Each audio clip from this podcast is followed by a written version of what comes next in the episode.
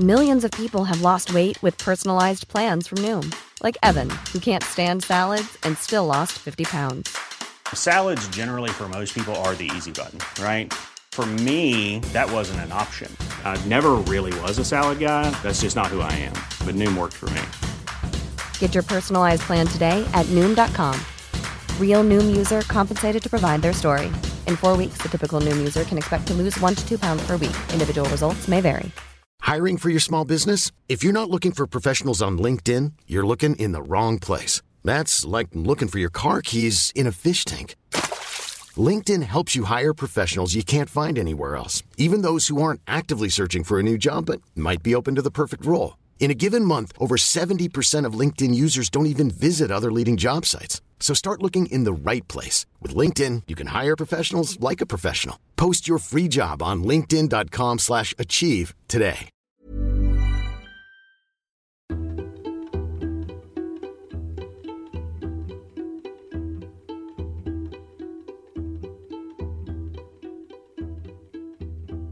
Men om vi eh, går till framsidan igen då. Ja. Eh, Du säger att eh, dörren var låst. ja. Eh, Hur vet du det? Nej, alltså jag kände ju på dörren. Alltså, Försökte du öppna den också eller? nej, alltså, ja, alltså jag försökte, ja, men jag kollade om det var öppet. Okej. Ja, Och det var låst? och det var låst. Okej.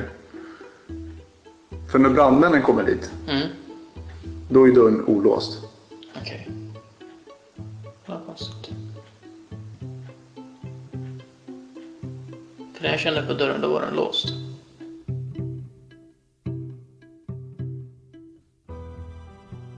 Under hösten 2018 sitter Mert häktad, misstänkt för de båda bränderna. Den på Ytterbyvägen den 16 juli och på Drabantstigen den 2 augusti. Gemensamt för bränderna är att de båda har varit anlagda, att brännbar vätska använts, att brandförloppet varit snabbt och att båda adresserna varit kopplade till Merts flickvän Jasmin. Gemensamt för bränderna är också att Mert båda gångerna suttit utanför och bevittnat händelserna. I förhörsrummet inser poliserna att Merts uppgifter inte stöds av annan bevisning och han trasslar in sig mer och mer i varje förhör. Efter det sjätte förhöret blir Mert så upprörd att han slår sönder sin cell. Mitt namn är Nils Bergman och du lyssnar på Rättegångspodden och på den fjärde delen om flygvärden som eldade kvinnor. Så jag frågar igen, är, är det den här historien som du har pratat om, Ja, du håller fast vid den? yes. För då, den stämmer inte. Nähä. Med, och det är ändå objektiv bevisning. Den går ju liksom inte att ta bort. Ja, men jag håller fast vid det jag sagt. Och då är frågan varför gör du det?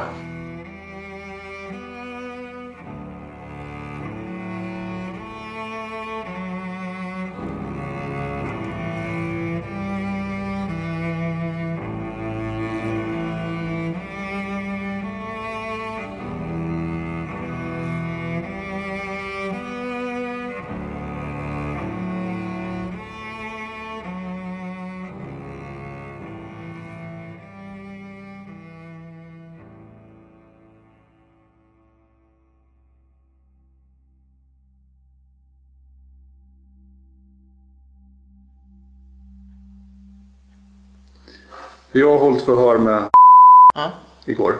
okej. Och till henne har du sagt att du öppnar dörren Ja, och att det är för mycket rök. Vi hör det fjärde polisförhöret med Mert som sker den 22 augusti. Förhörsledaren Jakob van Roy har ännu inte lyckats få grepp om Merts historia. Den stämmer inte på många punkter och faller isär vid närmare granskning. Polisen har nämligen gjort som så att de efter varje förhör gått tillbaka och utrett Merts uppgifter för att se om de stämmer, vilket de inte gör. En av uppgifterna Jakob hakar upp sig på är när Mert säger att den tredörren till lägenheten på Ytterbyvägen var låst när han kom dit. Det stämmer inte med vad han tidigare sagt till Jasmin. Du tänker gå in. Men det är för mycket rök och för mycket eld. Och du ser att röken stiger upp för trappan. Och då kan du inte gå in för att det, och då stänger du dörren efter dig och går därifrån. nej, det så har jag inte sagt. Sa hon att jag hade sagt så? Mm. Ja, konstigt. Nej. Alltså, för jag kände på den, då var den låst. Nej, då så jag mindes faktiskt. Varför har du sagt så till henne? Nej, för jag har ju inte sagt så. Ja, Hon är ju helt säker på att du har sagt så. Ja, jag är helt säker på att jag inte har sagt så. Okej. Polisen kan även se att Mert skrivit samma sak till Jasmin över sms. Att han öppnade dörren och försökte ta sig in i lägenheten, men att det inte gick på grund av att det brann. Mert berättar också att han under brandförloppet står på baksidan av lägenheten och tittar in genom fönstret. Jakob har hört sig för med grannarna på Ytterbyvägen som menar att de inte såg någon stå där. Däremot såg de en man sittandes i en vit Audi. Men när Mert menar att han tittar in i lägenheten minns han tydligt att han sett ett vitt vitrinskåp som vält. Nej, alltså jag, det var ju då jag såg liksom vätskan på golvet. Ja. Och själva branden i soffan. Ja. Eh, och sen kort därefter när jag backade in, det var ju då jag såg att vitrinskåpet ramlade ner. För det, det var ju då det brann som mest. Och när just vitrinskåpet ramlade ner så alltså, då började elden ta fart ännu mer. Och jag, vi- jag visste ju om att det var liksom, det var ju bara alkohol där alltså, och så. Och hur ser, hur ser det ut när det ramlar då? Ramlar det, Alltså rakt på, på framsidan bara. hur nära in till är det att, att du ser vätskan som börjar brinna och så? Alltså det kan vara mellan två till tre minuter. Som vitrinskåpet välter? Ja. Okej. Och då står du på bakgården vad jag förstår som. Du måste ju stå så att du ser in i alla fall. Ja, Eller? ja. Finns det några andra människor eh, där då?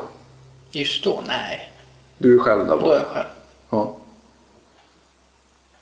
Men då ringer du inte 112? Nej, då ringer jag inte 112. Och det är samma sak här. Det går inte riktigt ihop med de andra personerna som vi har hört runt omkring här. Deras, din upplevelse av vad du har varit med om och, och deras iakttagelser. Okej.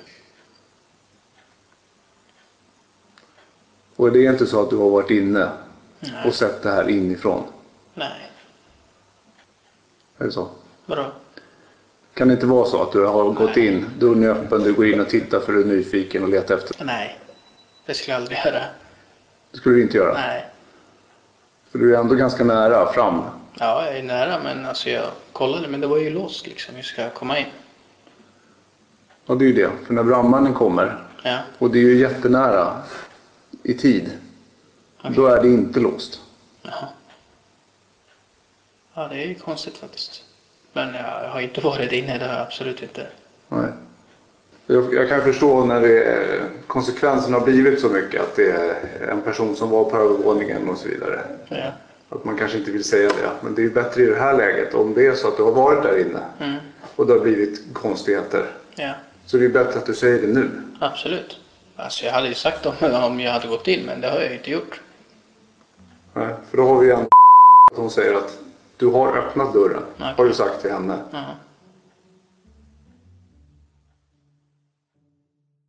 Mert står fast vid sina uppgifter trots att polisen gång på gång kan visa att de inte stämmer. Under det femte förhöret tar förhörsledaren Ulrika över, som är intresserad av att veta hur Mert tänkte och kände natten den 16 juli, då han upptäcker att det brinner i lägenheten på Ytterbyvägen. Och hur kändes det då när du stod, när du, var- vad tänkte du när du var där? Nej, liksom jag tänkte... Jag tänkte bara vad sjukt och sen så försökte jag ringa min flickvän flera gånger och sen till slut så svarade hon och då sa de att de var liksom på Gotland. Fick jag även veta vem som låg där inne. Eh, Ja, det var väl så det var. Men vad tänkte du när du hörde det här skriket? Du sa tidigare att du trodde att det var, du trodde att din flickvän var där inne i Ja, huset. Mm. ja men det är klart, jag trodde liksom att det var...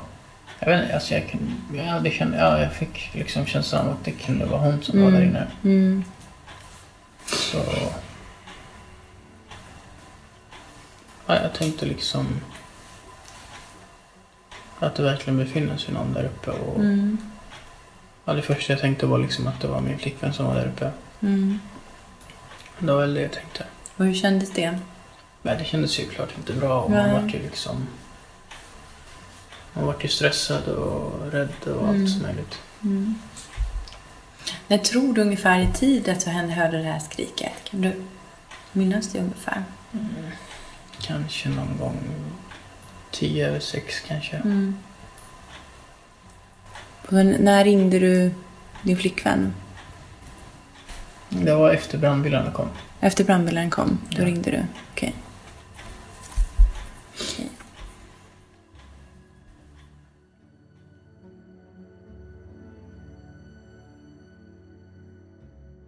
Ulrika vill också göra ett försök med att få rätsida på det här med soptunnan. Att det brann i soptunnan utanför lägenheten är ett tecken på att branden varit anlagd och att det bör vara som så att gärningspersonen har släppt ner något brinnande i soptunnan. Antingen medvetet eller av misstag efter att man antänt lägenheten. Ulrika har stenkoll på vad Mert tidigare sagt och inte sagt om detta, men låter honom själv återberätta det han minns. gjorde en liten sak annars. Jag, vet, jag har ju läst de andra förhören såklart. Ehm, då pratade du någonting om någon, någonting i någon soptunna. Nu minns inte jag riktigt vad det var. Nej, alltså... Att du jag- kast, har du kastat något i någon soptunna? Jag minns inte riktigt. jag- eller? Jakob frågade om jag hade Ah, tagit på någon soptunna eller någonting. ah, berätta om det. Berätta om det. För jag, jag minns inte riktigt hur det var. Ja, det finns en soptunna liksom. Ah, kan inte du rita var den är någonstans så fattar jag. Eh, Den ligger liksom... Den ligger liksom här någonstans. Eh, Den är grön då och sen så... Alltså när brandmännen kom och de höll på med arbetet så fick jag en vattenflaska av dem. Okej. Mm. Som jag sedan slängde här i. Ja, det var liksom det. Så du fick en vattenflaska av en, en brandman? Ja. Okej.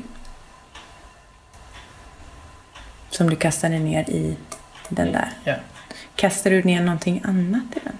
Än en vattenflaska? Nej. Bara vattenflaska? Ja. Okej. Poliserna har hört sig för med brandmännen som berättar att de inte delade ut några vattenflaskor till förbipasserande under släckningsarbetet. De hade annat att stå i. Soptunnan var dessutom inom ett avspärrat område, så Merts uppgifter stämmer återigen inte. Men han har ännu inte riktigt blivit konfronterad med sina falska uppgifter. Men det kommer i nästa förhör. Men innan det femte förhöret avslutas vill Ulrika veta mer om Merts tid på SAS. Försvarar du någonting nu i nuläget? Nej. Nej, inte ännu.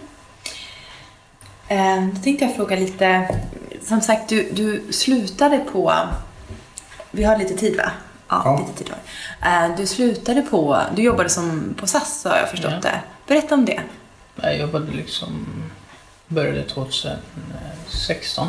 Mm. Eh, Jag jobbade som eh, flygvärd där och jobbade två år och sen så slutade jag på grund av att jag kom in på en utbildning som jag sökte. Okej, berätta. Vad var det för utbildning? Det var en utbildning i Växjö, coaching and eh, sports management. Okej, okej. Okej. Alright, okej.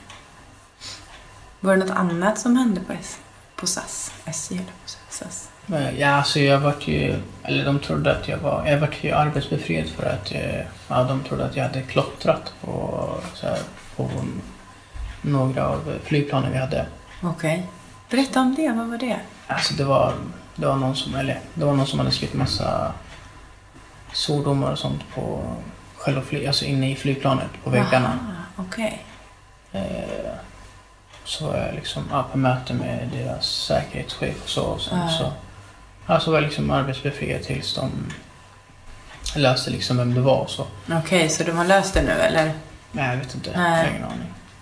Nej. Men berätta, varför tror de att det var du då? Alltså det var för att liksom jag, på de, jag var ju liksom på de flygningar där flygplanen var klottrade. Så det var väl säkert anledningen. Ja. Men var det du som klottrade, eller? Nej. Nej. Okej. Mm. Så de trodde bara att det var du. Men trivdes du med ditt arbete? Jo, alltså jag tyckte att det var Mm. jättekul och så. Det, jo, det var faktiskt trevligt. Vad var det som var någon... va- Varför ville du gå på den här utbildningen då?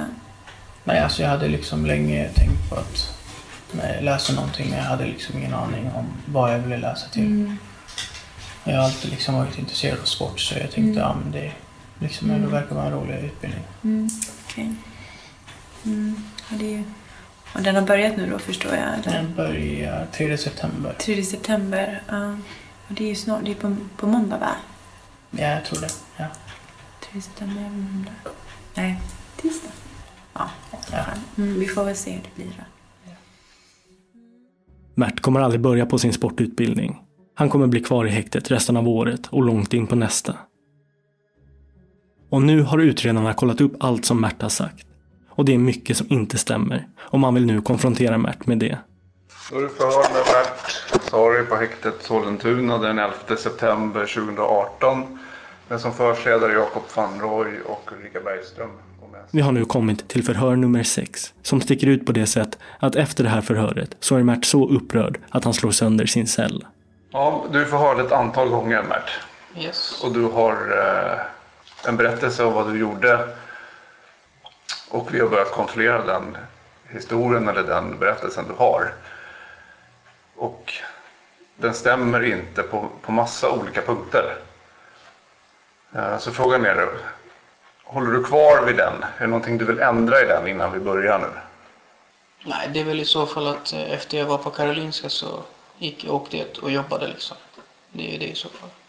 Mm. Annars så håller jag kvar det jag sagt. Okej. Då kan jag börja säga så här att vi har ju tagit din telefon. Ja, beslag. Eh, när man tömmer den så eh, får man precis spegling av hur telefonen ser ut då. ja, Men sen kan man även få fram eh, en massa annan information.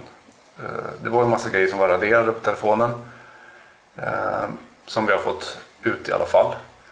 Eh, det finns eh, när man använder vissa appar till exempel ja. så ehm, skickar den upp signaler till var man är, till alla basstationer. Så om man är ute och åker bil till exempel. ja en massa så ja. Ja, precis. Ja, det är, eh, det är inte bara master, det är lite cell towers och sånt också. Så att, eh, telefonen kommunicerar med massa olika saker på vägen. ja. Och det lagras i telefonen. Det lagras inte bara på, på servrarna som har apparna utan det, det finns kvar på telefonen. Ehm, och på din telefon så har du haft appar som har eh, haft den funktionen på. Så vi kan ju se hur du rör dig. Så jag frågar igen, är, är det den här historien som du har pratat om, Ja, du håller fast vid den? yes. För då, den stämmer inte. Nähä. Med, och det är ändå objektiv bevisning. Det är ju inte någon som har sagt eller som har sett utan den går ju liksom inte att ta bort. Ja, men jag håller fast vid det jag sagt. Och då är frågan varför gör du det? Ja, för det jag har pratat om och det jag har sagt, det är den sanningen som, som ligger till liksom. Ja. För att om, om du säger att jag åker till Edsviken till exempel Ja. och sover där. Och vi kan säga att det är inte så. Då är frågan är varför säger du då att du åker till Edsviken? För att jag åkte dit. Jag säger ju så för att jag åkte dit. Och då blir det ju väldigt konstigt för dig sen om, om, när vi, om du sa att vi går till tingsrätten där. Ja, För att du säger att du är på en plats och vi kan bevisa att du inte är där du säger att du är. okej. Så du frågar mig igen då, varför säger du att du åker dit om vi kan, vi kan bevisa med telefonen och med övervakningskameran att du inte är där? Vid den tidpunkten du säger att du är där. Jag har aldrig sagt vilken tidpunkt jag är på Edsviken. Jo, du sa att du åker därifrån vid 5.50. Har du sagt det för? Ja, exakt. Men jag är inte när jag befinner mig där. Nej, men du måste väl vara där om du åker därifrån vid 5.50? Ja, ja, men alltså jag menar, ja, men jag vet inte, alltså ni vet ju inte exakt vilken tid jag har varit där och exakt vilka timmar jag har varit där. Jo, du har ju sagt i förhör. Ja, men det är inte specifikt. Jo, vi har, jag har ju pratat med dig och du går av eh, ditt pass Ja, och då har vi kommit fram till vilken tid det är. ja, Och sen så säger du jag åker direkt till Edsviken och sover där. ja, Det är ju ganska spe- Och så från 5.50 åker jag därifrån. okej. Ja, har du gjort någonting emellan det som du inte har pratat om förut då? Ja, det vet jag inte. Och då vet jag inte. Nej, alltså det kommer jag inte ihåg. Okej. Så när förhören när du säger att du åker dit och du sover där. Ja. Har du sagt det för att du kommer ihåg det eller har du sagt det för... Varför har du Nej, Alltså, sagt Jag det har då? sagt för att jag kommer ihåg det. Men nu kommer du inte ihåg. Nej, jag kommer inte ihåg ifall jag kanske gjorde någonting, det vet jag inte. Men alltså jag kommer ihåg att jag var där. En viktig punkt som förbryllar förhörsledarna är hur det kommer sig att Mert aldrig kontaktar Jasmin under morgonen den 16. Mert hävdar ju att han åkte till Jasmins arbetsplats på Ytterbyvägen för att träffa henne och för att hämta sina arbetskläder. Det naturliga är då att man ringer eller smsar innan för att kolla om hon är där. Om vi säger då, det är minnesbild att du är på Drabantstigen och så att det stämmer inte. Men du åker då till Ytterbyvägen. Ja, Du, för du letar efter... ja exakt.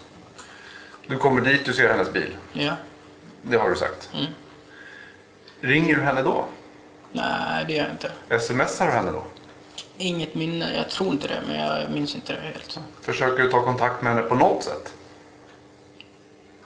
Jag, vet inte, jag, jag har inget minne om att jag har försökt ta kontakt med henne. Och du letar efter henne återigen, men du försöker inte kontakta henne? Nej.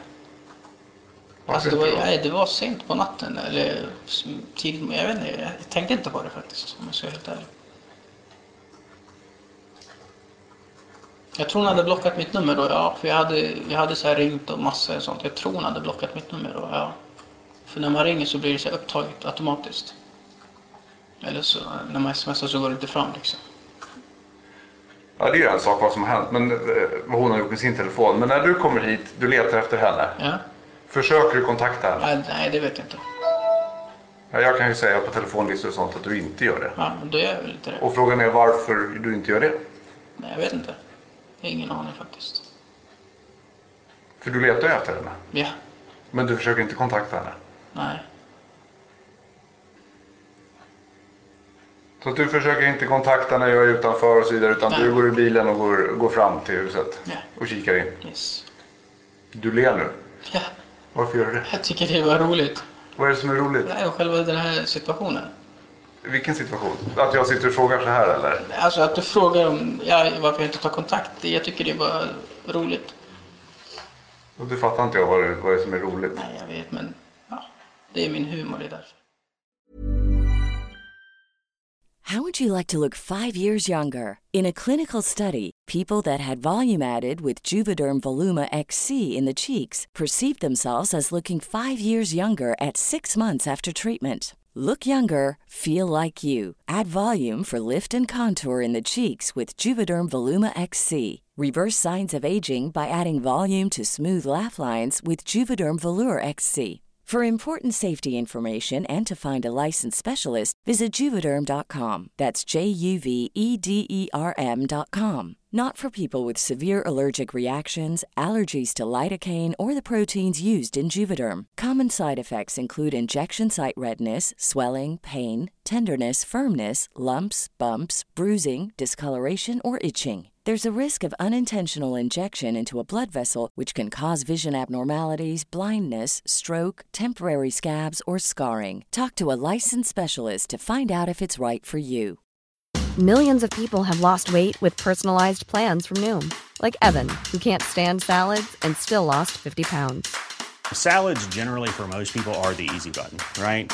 For me, that wasn't an option. I never really was a salad guy. That's just not who I am. But Noom worked for me. Get your personalized plan today at Noom.com. Real Noom user compensated to provide their story. In four weeks, the typical Noom user can expect to lose one to two pounds per week. Individual results may vary. Hiring for your small business? If you're not looking for professionals on LinkedIn, you're looking in the wrong place. That's like looking for your car keys in a fish tank. LinkedIn helps you hire professionals you can't find anywhere else, even those who aren't actively searching for a new job but might be open to the perfect role. In a given month, over 70% of LinkedIn users don't even visit other leading job sites. So start looking in the right place. With LinkedIn, you can hire professionals like a professional. Post your free job on linkedin.com/achieve slash achieve today. Hi, I'm Daniel, founder of Pretty Litter. Did you know cats tend to hide symptoms of sickness and pain? I learned this the hard way after losing my cat, Gingy. So I created Pretty Litter, a health monitoring litter that helps detect early signs of illness by changing colors, saving you money and potentially your cat's life. Pretty Litter is veterinarian developed, and it's the easiest way to keep tabs on your fur baby's health right at home. Go to prettylitter.com and use code ACAST for 20% off your first order and a free cat toy. Terms and conditions apply. See site for details. Det hänger inte ihop. Vet du att hon är på Gotland? Jag vet ju, men jag vet ju att hon kommer hem den dagen. Absolut. Men när du är på Ytterbyvägen, Ja. vet du att, du är, att hon är på Gotland? Nej, då vet jag inte. Då tror jag att hon är där inne eftersom att hennes bil är där. Och när du hör ett skrik, Ja. då tror du att det är hon. Alltså, ja, det är 50-50. Ja, ja, ja, jag tror att det är hon, ja. Så när du lägger till så här, varför skulle jag, jag vet ju att hon är på Gotland. Det stämmer ju inte heller. Ja, men jag Du vet tror ju att hon är där. Nej, Jag vet att hon är på Gotland men jag vet inte exakt om, alltså, om hon har kommit hem eller inte. Jag tror ju att, eller eftersom att jag ser hennes bil så tror jag att hon har kommit hem. Men sen vet jag ju liksom inte 100 procent. Så det här när du lägger till att förstärka en egen bild. Varför skulle jag? Jag vet ju att hon är på Gotland. Det stämmer ju inte. Ytterligare en grej. Jaha. Det är jättekonstigt. Ja. Det är svårt för förhörsledarna att få raka och ärliga svar. De ger Mert alla chanser att berätta historien så som den var. Men han står fast vid det han inledningsvis berättat. Även fast den historien ändras och blir svajigare för varje gång han berättar den. Och polisen har ju sett en sms-konversation mellan Mert och Jasmin där han skriver att han under brandförloppet försökte gå in i lägenheten men inte kunde och sedan stängde dörren. Något som inte stämmer överens med det han säger nu då han hävdar att ytterdörren var låst. Ja, men det stämmer fortfarande inte. Och då är frågan varför säger du så till henne då? Jag sa så för att hon skulle känna sig lugn säkert. För att hon var ju ledsen och så och då tänkte jag, ja men det kanske lugnar ner henne. Om du ljuger för henne och säger att du försökte ta dig in, Ja, jag försökte, ja exakt. öppnade dörren, Ja. såg för mycket rök. Så du har sagt så till henne? Nej, det, det, det har jag inget minne att jag har sagt så, nej. Men jag kan, om jag har sagt, om det står att jag har skrivit så på sms et, så har jag säkert sagt så för att lugna ner henne, absolut. Ja, Så har du någon minne av att du har sagt det? Eller är det... nej. Inget minne alls. Okej. Men står det på sms att jag stängde dörren och det är för att du har sagt för att lugna henne? Ja. Att... För det stämmer ju ändå med den objektiva bevisningen att dörren är ju faktiskt olåst. Ja, okej. Så har du varit inne. Nej, det har jag inte varit.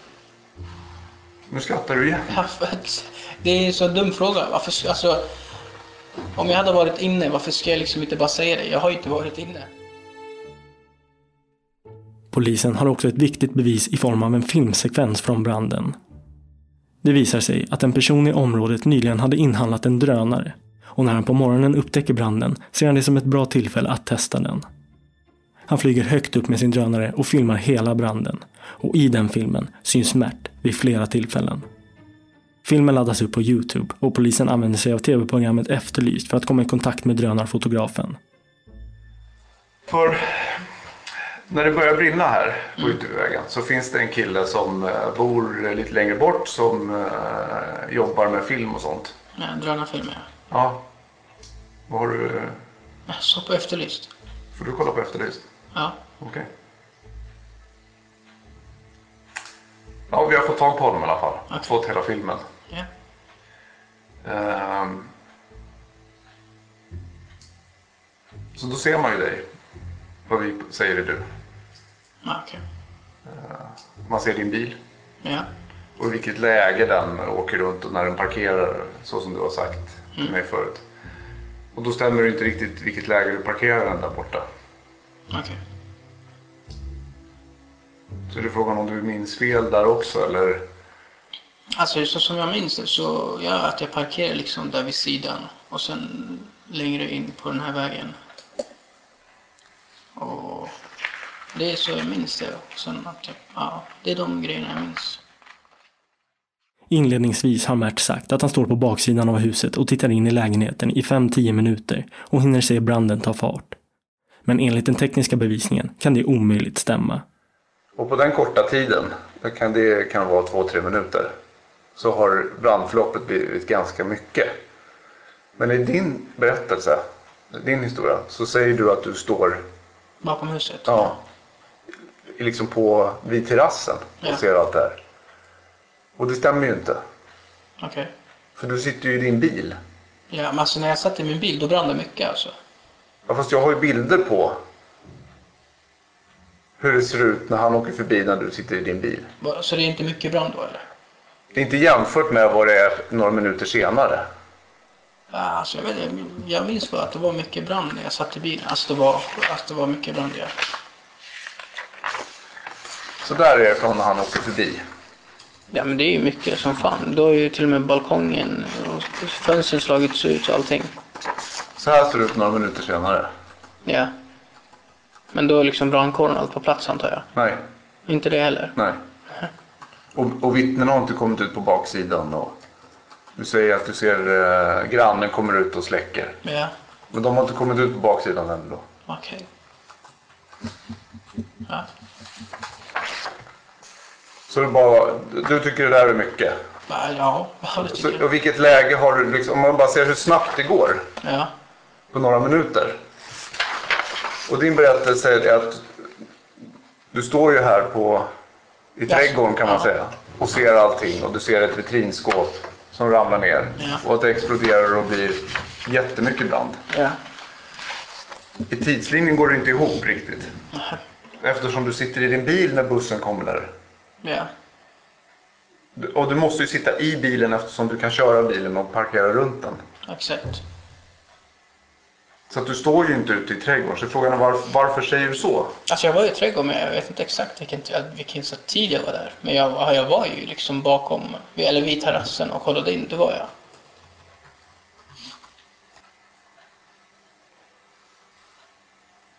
Ja, du kan fråga. Eh, jo, för jag tänker så här att du säger att du går till din bil. Och vi ser ju på filmen att det är ju inte knappt några grannar som har kommit ut och säger att du hör grannarna ringa polisen. Jag ser, ja. När, när hör, du ser det? ja jag Eller hör du ser. det? Nej, jag ser och hör att de ringer eh, polisen. När Ja. ser du, när hör du? När han kom ut med brandsläckaren. När han, och, och, och han kommer ut med brandsläckaren och var står du då? Då står jag långt bak i staketet. Långt bak vid staketet. Där jag tog filmen till exempel, där jag filmade ifrån. Står du innanför eller utanför? Utanför. Så att när du filmar, Ja. då står du utanför staketet och det är då du hör grannarna ringa. ja strax innan det. Ja. Strax innan. Ja.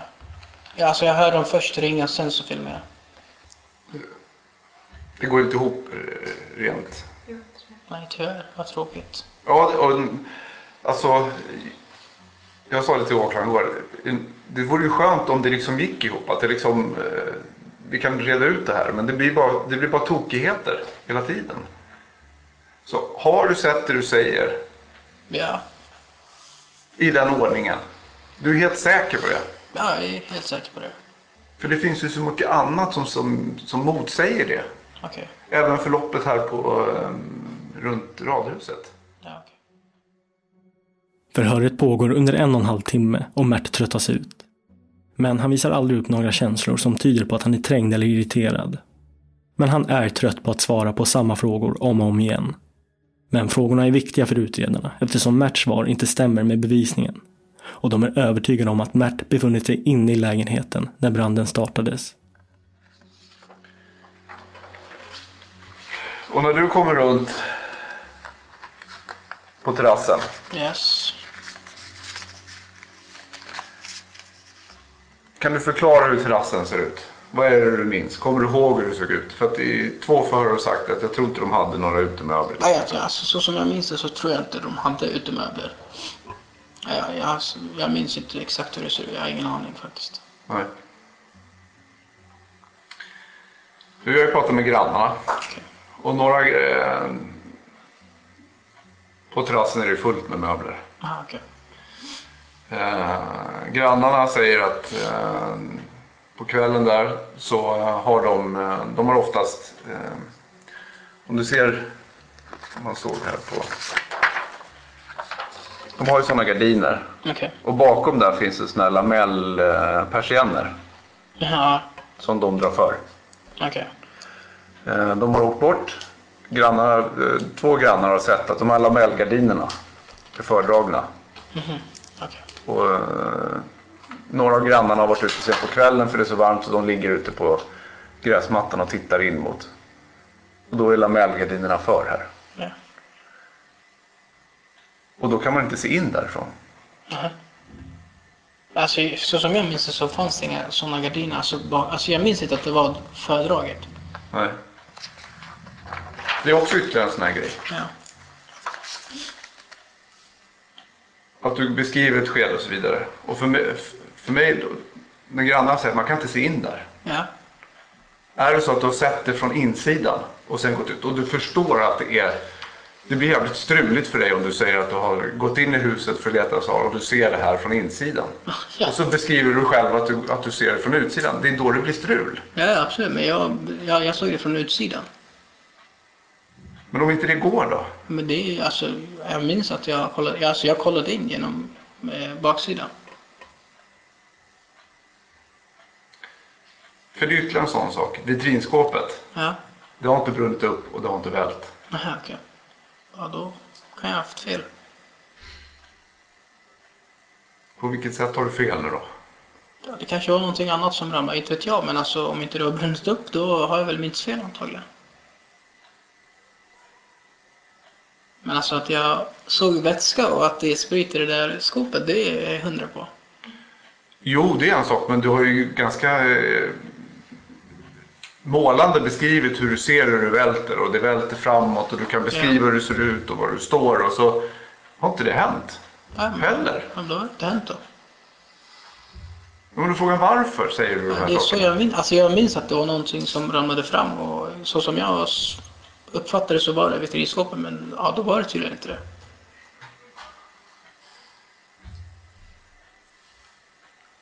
Nej.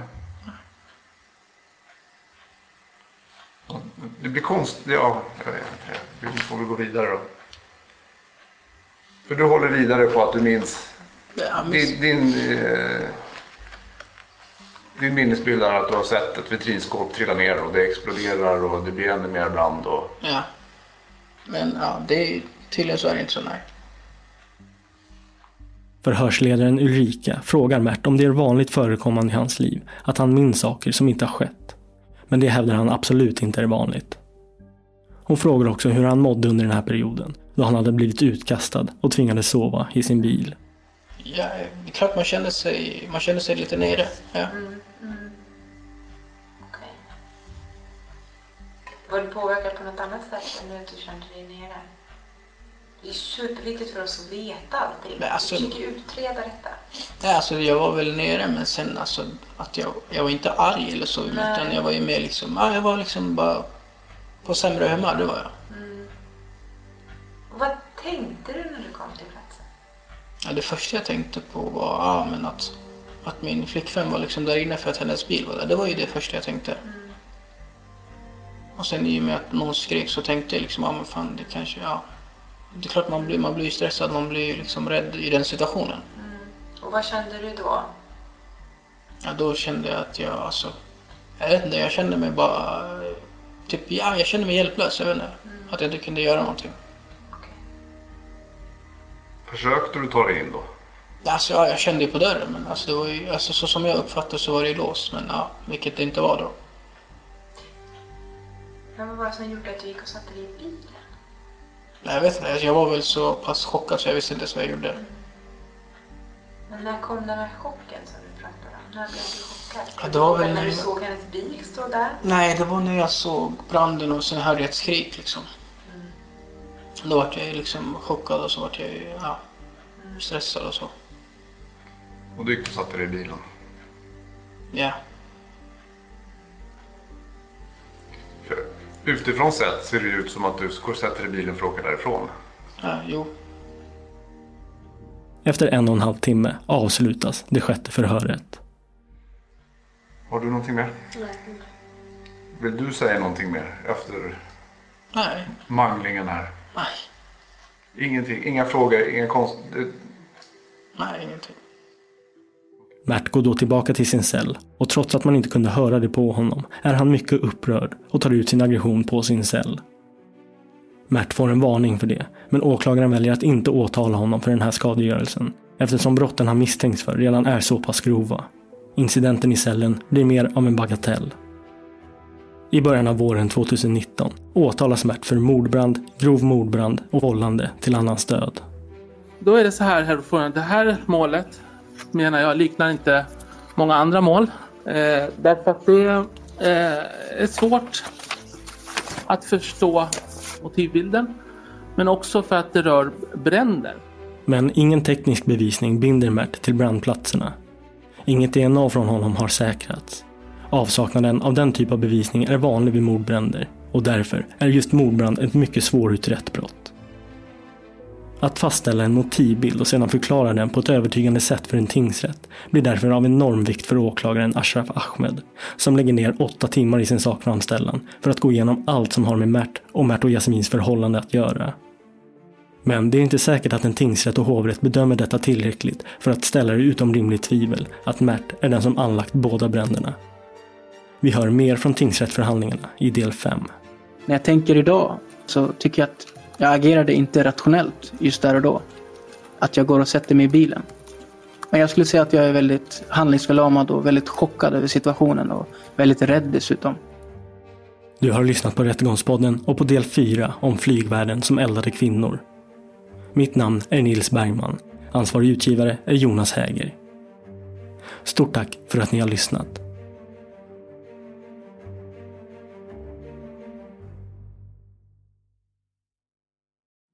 Rättegångspodden är en Tall Tale-produktion.